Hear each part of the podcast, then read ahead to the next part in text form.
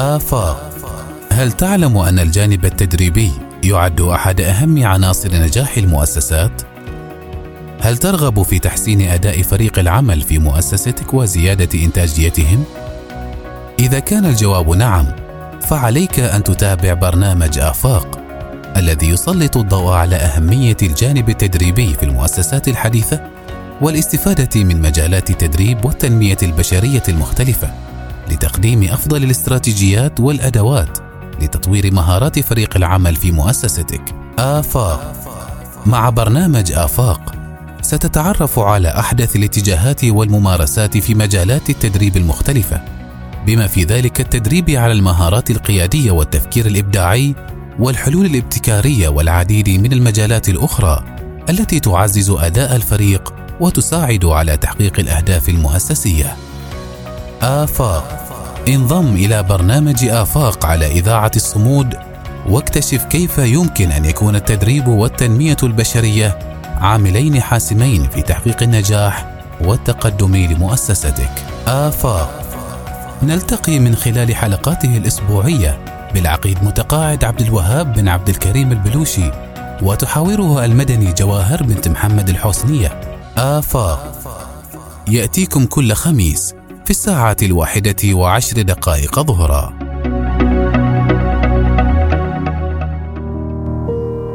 آفاق. بسم الله الرحمن الرحيم. السلام عليكم ورحمة الله وبركاته. نرحب بكم متابعينا الكرام في حلقة جديدة من برنامج آفاق والذي نسلط الضوء فيه على مواضيع عديدة وشيقة في التنمية البشرية وتطوير الذات. نسعد أن نكون دليلكم في هذا البرنامج لفهم أعمق للنمو الشخصي والاستفادة القصوى من قدراتكم وتحقيق أهدافكم. بداية نذكركم متابعينا أنه يمكنكم الاستماع إلى جميع حلقات برنامج آفاق عبر تطبيق البودكاست وال SoundCloud.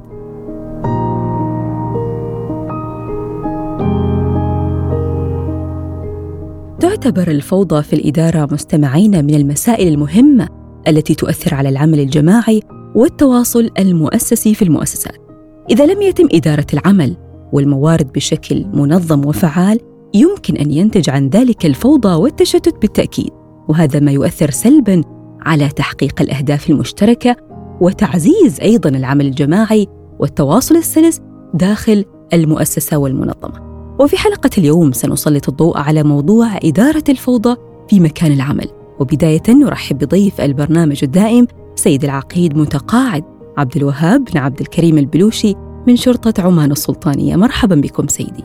مرحبا بك وبالمستمعين الأعزاء. أهلا بك. سيدي بداية كيف يمكن أن نعرف الفوضى في مكان العمل؟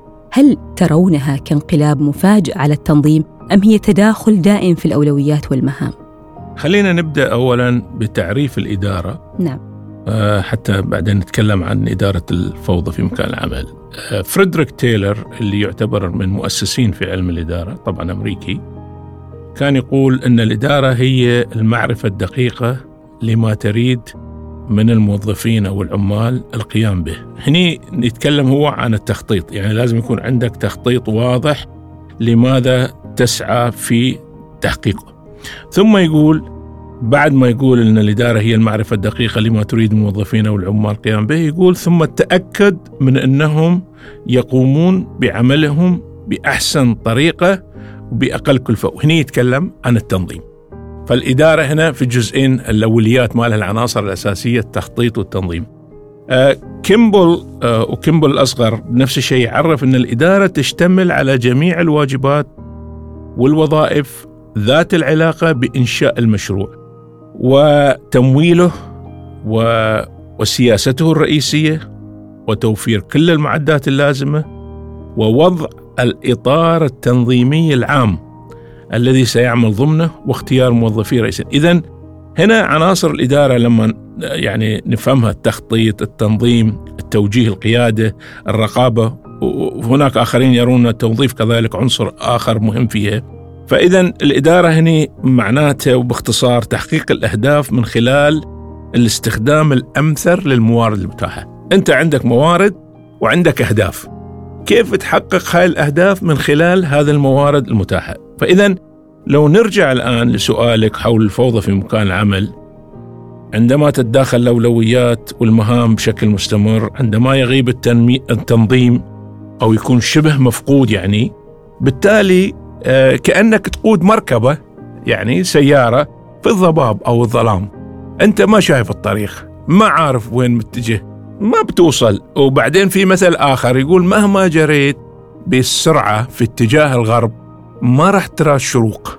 أو العكس مهما جريت بأسرع ما عندك في اتجاه الغرب آه عفوا في اتجاه الشرق لن ترى الغروب. فإذا القضية أنت لازم تعرف وين رايح.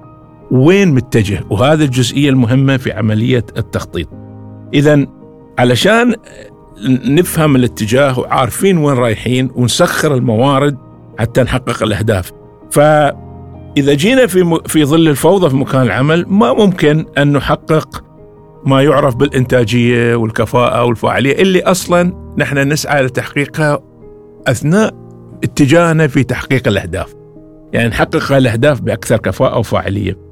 لأن الفوضى تأثر على كافة جوانب العمل وتتسبب في الهدر وتأثر بشكل كبير خاصة على الجماع العمل الجماعي. العمل الجماعي في مكان العمل هو العمل يعني اللي, اللي, يضمن تحقيق الأهداف. فهذا الفوضى يعني تسبب في تباين الأولويات والتوجيهات؟ يعني معناته كل واحد جالس يعمل مثل ما هو يريد رؤيته الخاصة وأهدافه الشخصية بدل من يكون مركز على الأهداف المشتركة. للمنظمة سواء في القسم اللي فيه في الدائرة اللي فيها هو. والفوضى كذلك في مكان العمل تسبب في تشديد الجهود وتبديد الموارد لأن إيش يصير؟ يعني ممكن جهود تتكرر وقت يتبدد آه يمكن الموارد تروح في أشياء غير ضرورية وغير هامة. يعني خذي على سبيل المثال أنت الحين فلنقل أنت عندك مدرسة. المدرسة يعني هدفها الأساس توفير التعليم. تتوقعين من الكوادر البشرية اللي موجودة في المدرسة فلنقل يعني 80% يفترض يكونون من هم يقومون بالتعليم. والعشرين في المئة من هذه الكوادر يكونون معنيين بجوانب أخرى سواء إدارية مالية معلوماتية معلومات علاقات عامة. لكن ما ممكن تشوفين خمسين في المئة في المدرسة شغالين في الإدارة والخمسين الآخر اللي هو العمل الأساس. مثلا مستشفى أو عيادة نفس الشيء. 80% من الكادر يفترض يكون هو معني بتوفير الخدمة الطبية مباشرة. العشرين في المئة لكن لما تشوفين لا الموارد ما مسخرة لتحقيق الأهداف وبشكل يعني آه، يسمح لتحقيق الأهداف. هنا يصير هدر ولا ولا تتحقق آه، يعني الأهداف اللي من أصلها وجدت المنظمة. ف وكذلك الفوضى في مكان العمل تضعف التواصل وتقلل منه وتتسبب في غياب التنسيق بين الأفراد والأقسام والدوائر. وطبعا هذا راح يتسبب كله أو يؤدي كله إلى ضياع المعلومات الهامة وانقطاع سلسلة الاتصال بالتالي يعوق في تدفق المعلومات الضرورية لاتخاذ القرار. يعني أنت في النهاية عشان تتخذ قرار لازم تكون عندك معلومات ومعلومات جيدة وضرورية. ومن ثم تسعى في التنفيذ يعني في تنفيذ هالقرارات. فكل هذه النقاط اللي أنا ذكرتها هي عبارة ملامح للفوضى في مكان العمل. يعني المنظمات ما ممكن نتكلم عن المنظمات اللي قائمة بشكل صحيح.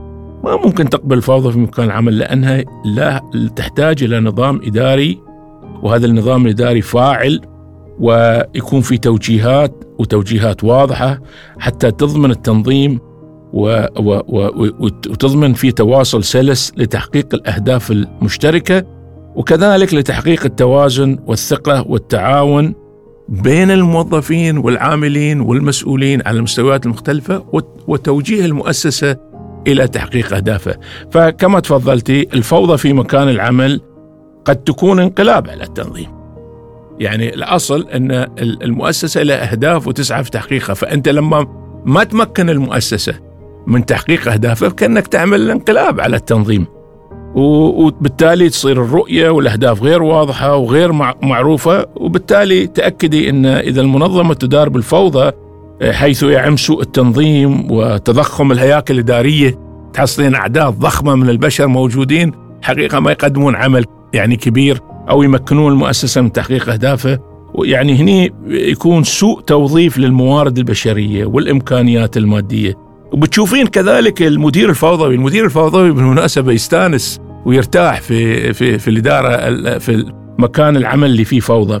لأن هذا المدير يعقد تحصلينه يعني يرتب كل شيء بطريقته. آه، ما ما ما واضحة له الأولويات آه، ما منظم المهام ولا يستخدم الموارد بشكل منظم.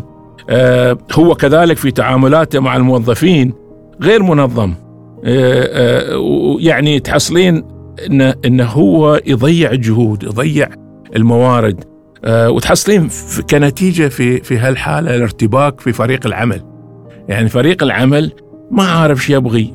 يعني مثل واحد كان موظف يسأل يقول لي يقول أنا أشتغل مع واحد وكأني أمشي في أرض ملغمة. لأنه ما أعرف متى هذا بينفجر عليه. كل مرة يعني ما أعرف إيش يبغي هو. فهذه هي مشكلة يعني. نعم. سيدي لو نأتي للحديث عن التحديات ما هي أبرز التحديات التي يواجهها الأفراد في إدارة الفوضى في مكان العمل؟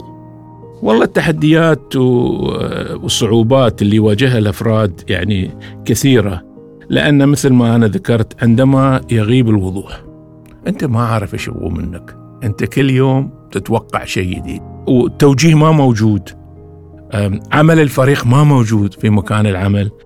فهذا طبعا ما يساعد ولا يحفز الموظف والعامل أن يعمل ويعمل بشكل منظم. كنتيجة يعني تنخفض الإنتاجية وحتى يتردى الأداء يعني بكل بالكل.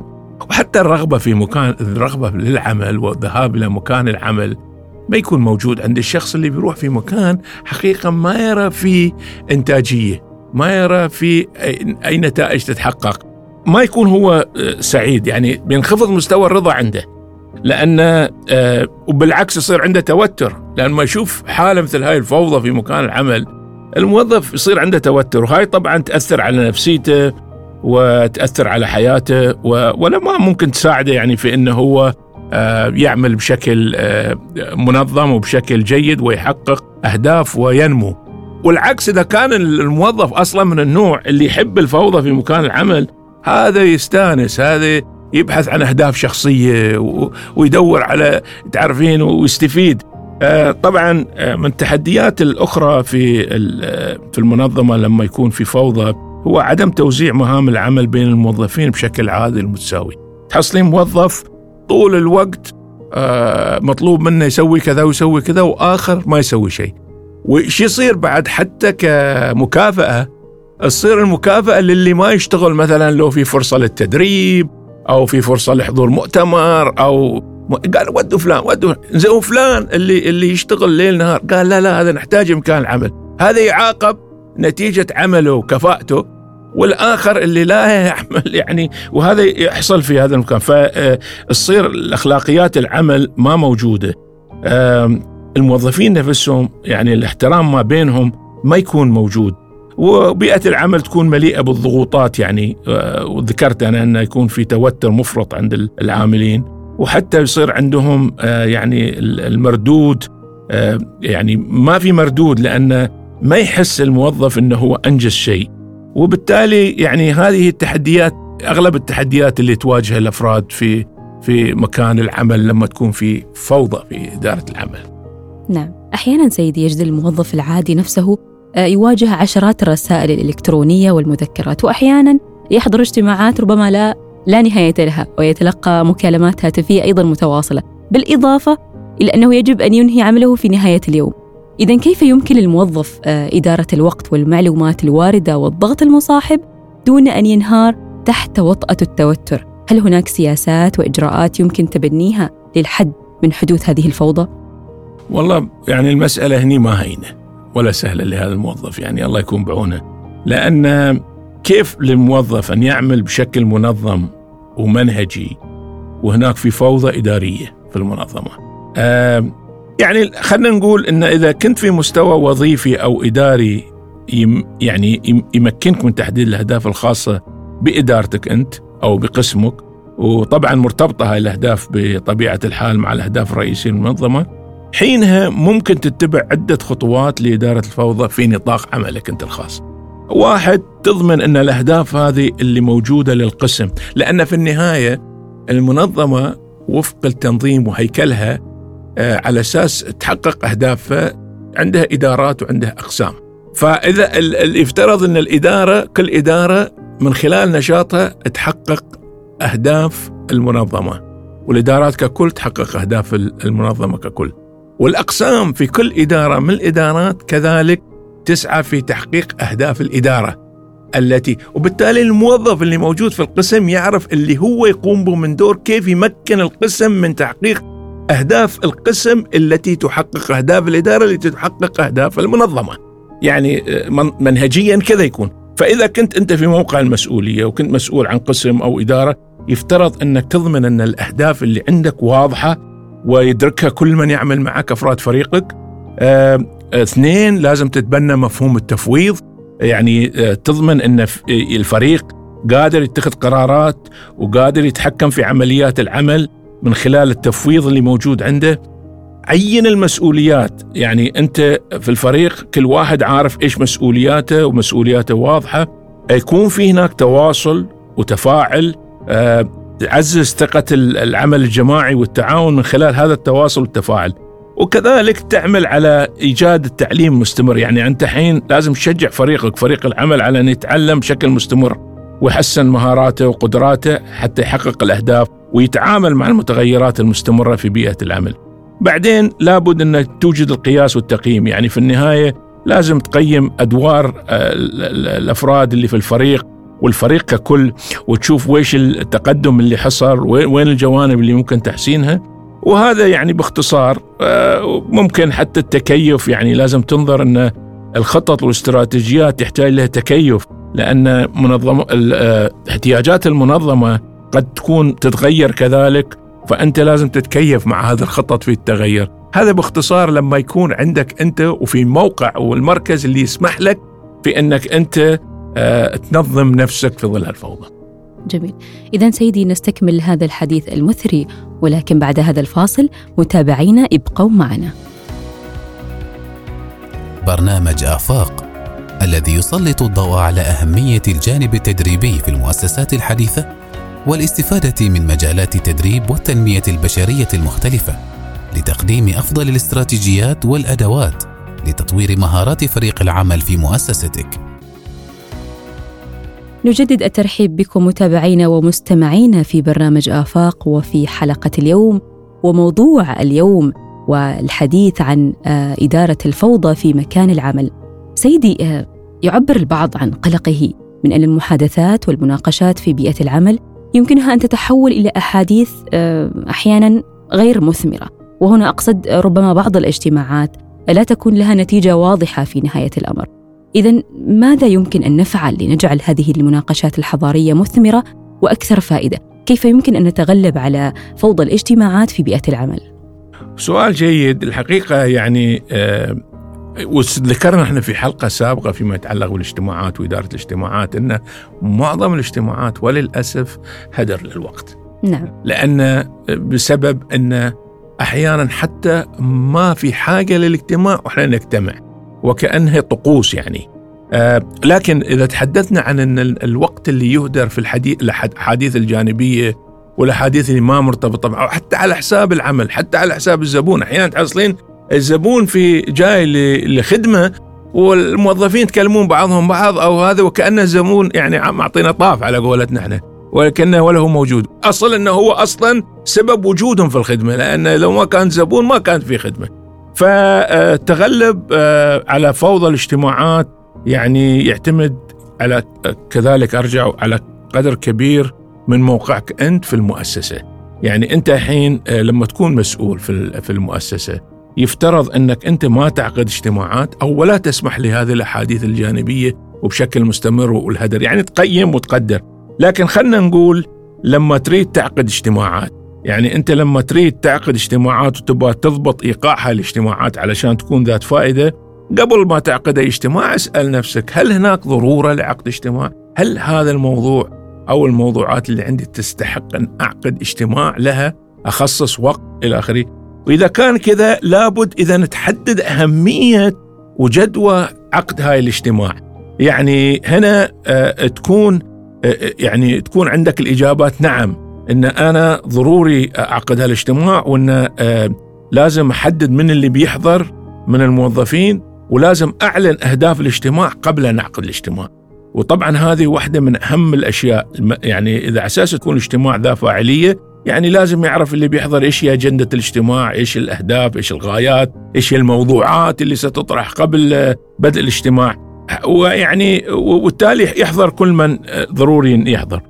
لكن هني كذلك في في أساس تضبط إيقاع الاجتماعات لازم تكون حاسم. إذا أنت تدير الاجتماع لازم تكون حاسم. ولازم تتبع منهجية يعني في في إدارة النقاش. يعني تسمح الواحد يشارك وتعطيه فرصة لكن ما تخليه يعني يعني يتحدث الا بدون يعني ضرورة ويستمر وإلى آخره وإلى آخره.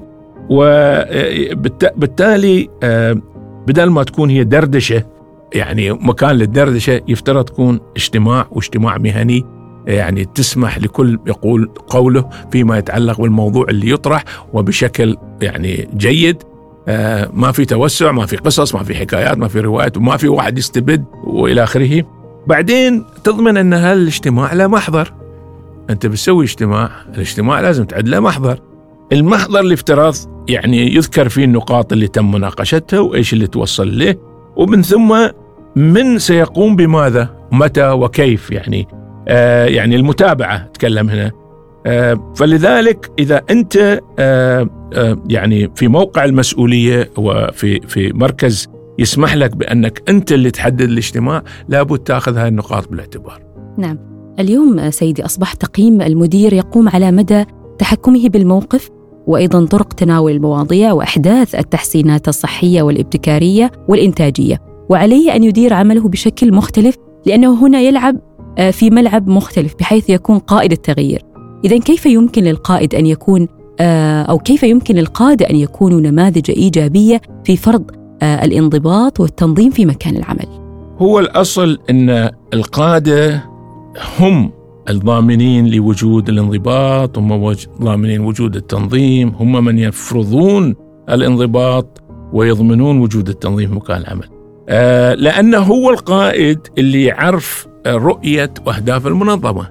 ما هو قائد. القائد يضمن أن يعني نحن كلنا ماشيين في الاتجاه الذي يمكننا من تحقيق الرؤية وأهداف المنظمة. وبالتالي لابد من القائد إنه يضمن ان في تنظيم إداري فاعل الموقع اللي فيه. إذا كان أعلى مستوى هو يتأكد إن المنظمة بشكل كامل عندها رؤية وأهداف واضحة.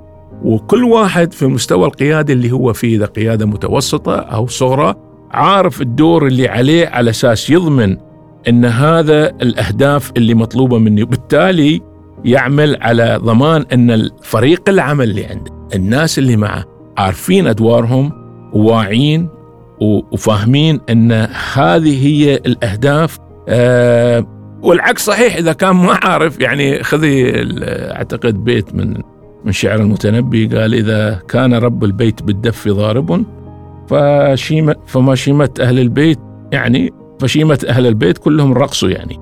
أه فاذا إذا إذا كان القائد ما عارف وين متجه وأين الاتجاه وكيف يضمن أن الجميع يعمل في الاتجاه؟ هي مشكلة لأن هم اللي يفترض يحددون المسار ويضمنون أن في آليات ويضمنون أن في إيقاع وبالتالي الموظفين ينظرون لهم كنماذج. آه والمهارات التنظيمية يعني هي اللي تمكن القيادات آه من تحقيق الأهداف. هي اللي تمكن القيادات من تحفيز الناس للعمل نحو إدراك هدف مشترك يعني. والعكس صحيح إذا ما وجد هذا إذا في فشل في التنظيم تحصلين فوضى وتحصلين زيادة توتر في في يعني عند العاملين. فالموظفين دائما ينظرون للقادة هم كنماذج هم مصدر الإلهام. وإذا ما حصلوا القائد الملهم اللي عنده المهارات والقدرات خلينا نقول المهارات التنظيمية القوية طبعا من طبيعة الحال صعب أن يمتثلون ويلتزمون بالنظام فالقيادة هي الأساس. وفي الحلقة السابقة تكلمنا عن القيادة النموذج. يعني الواحد لما ما يكون نموذج في القيادة لا يتوقع من أفراد الفريق يحققون شيء. بالتأكيد. إذا سيدي العقيد متقاعد عبد الوهاب بن عبد الكريم البلوشي من شرطة عمان السلطانية. شكرا لك لإثرائنا في هذه الحلقة والتي خصصناها للحديث عن موضوع إدارة الفوضى في مكان العمل. سيدي قبل الختام نصيحة أخيرة. آه، في الحقيقة أنا كنت أقرأ اليوم آه، يعني مقالة الكاتب البحريني فيصل الشيخ ويتحدث عن موضوع الفوضى في مكان العمل وكان يقول أن الفوضى تحصل لأسباب كثيرة ولكن العامل الرئيس فيها يكون دائما مرتبط بالعنصر البشري. يعني مش الأجهزة والأنظمة والسياسة هو البشر. لأن نحن البشر من نحول الأمور إلى فوضى.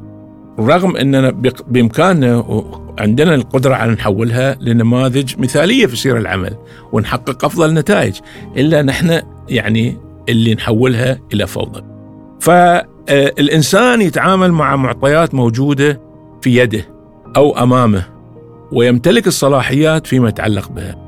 فهو أما يسير الدفة بشكل صحيح يعني يكون النوخذ الصح الربان الصحيح يأخذ هالسفينة مكان ما يفترض تروح وتتحقق الأهداف أو أنه يخليها في وسط عواصف وبالتالي يا تغرق أو توصل في أحسن الأحوال يعني به أضرار جسيمة.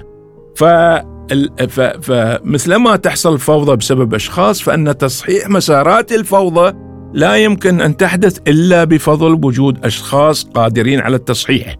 وتصحيح المسارات لا يمكن أن يحصل على يد المتسبب بالفوضى. يعني ما ممكن هو اللي سبب الفوضى يصحح لك لأن هاي أمر بديهي ومتوافق عليه في كل نظريات التخطيط الاستراتيجي ونظرية إدارة الأزمات وطرائق تصحيح المسارات لأنه ببساطة شديدة فاقد الشيء لا يعطيه. و... و... ومن تكون الفوضى متلازمة له في عمله أو تصريحاته أو حتى تصرفاته ويسجل التاريخ عليه كثير من هذه الأمثلة فأنه من الظلم مطالبته بالتصحيح لأنه لو امتلك عصا التصحيح أصلا لاستخدمها منذ البداية. إيه ولنضرب مثال بسيط يعني وممكن يستوعب يعني أغلب المستمعين.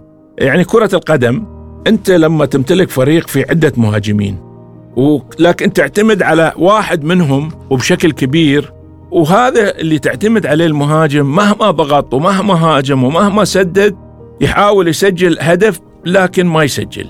بل يمكن تحسب عليه إضاعة العديد من الفرص. الآن أنت كمدرب إيش خياراتك؟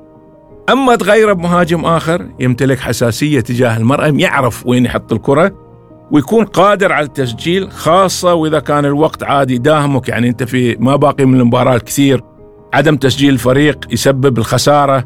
لكن أنت مصر نفس المهاجم يبقى.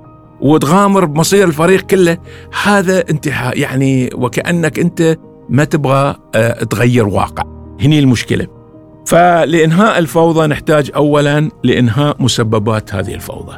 يعني أولا لما نشوف الفوضى في مكان العمل إيش مسبباتها هاي؟ خلينا نفهمها لأن التشخيص نص العلاج. إذا عرفت تشخص أسباب والإصلاح الفوضى نحتاج لعناصر يعني مؤهلة قادرة على إصلاح الفوضى. فعناصر اللي تمتلك حس إدارة الأزمات وعندها القدرة يعني على وضع الحلول والمعالجات. ونسأل الله التوفيق.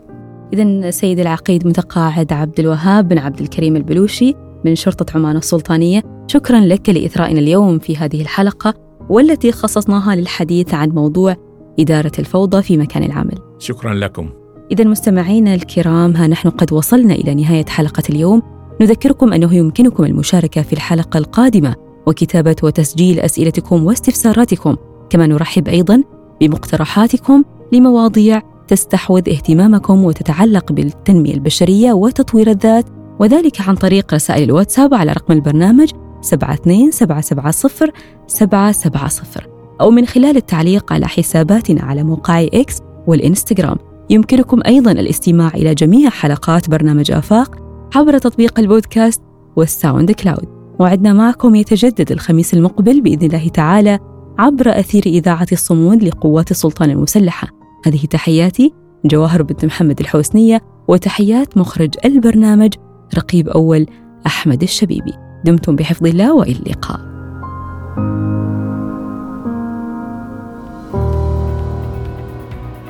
آفاق.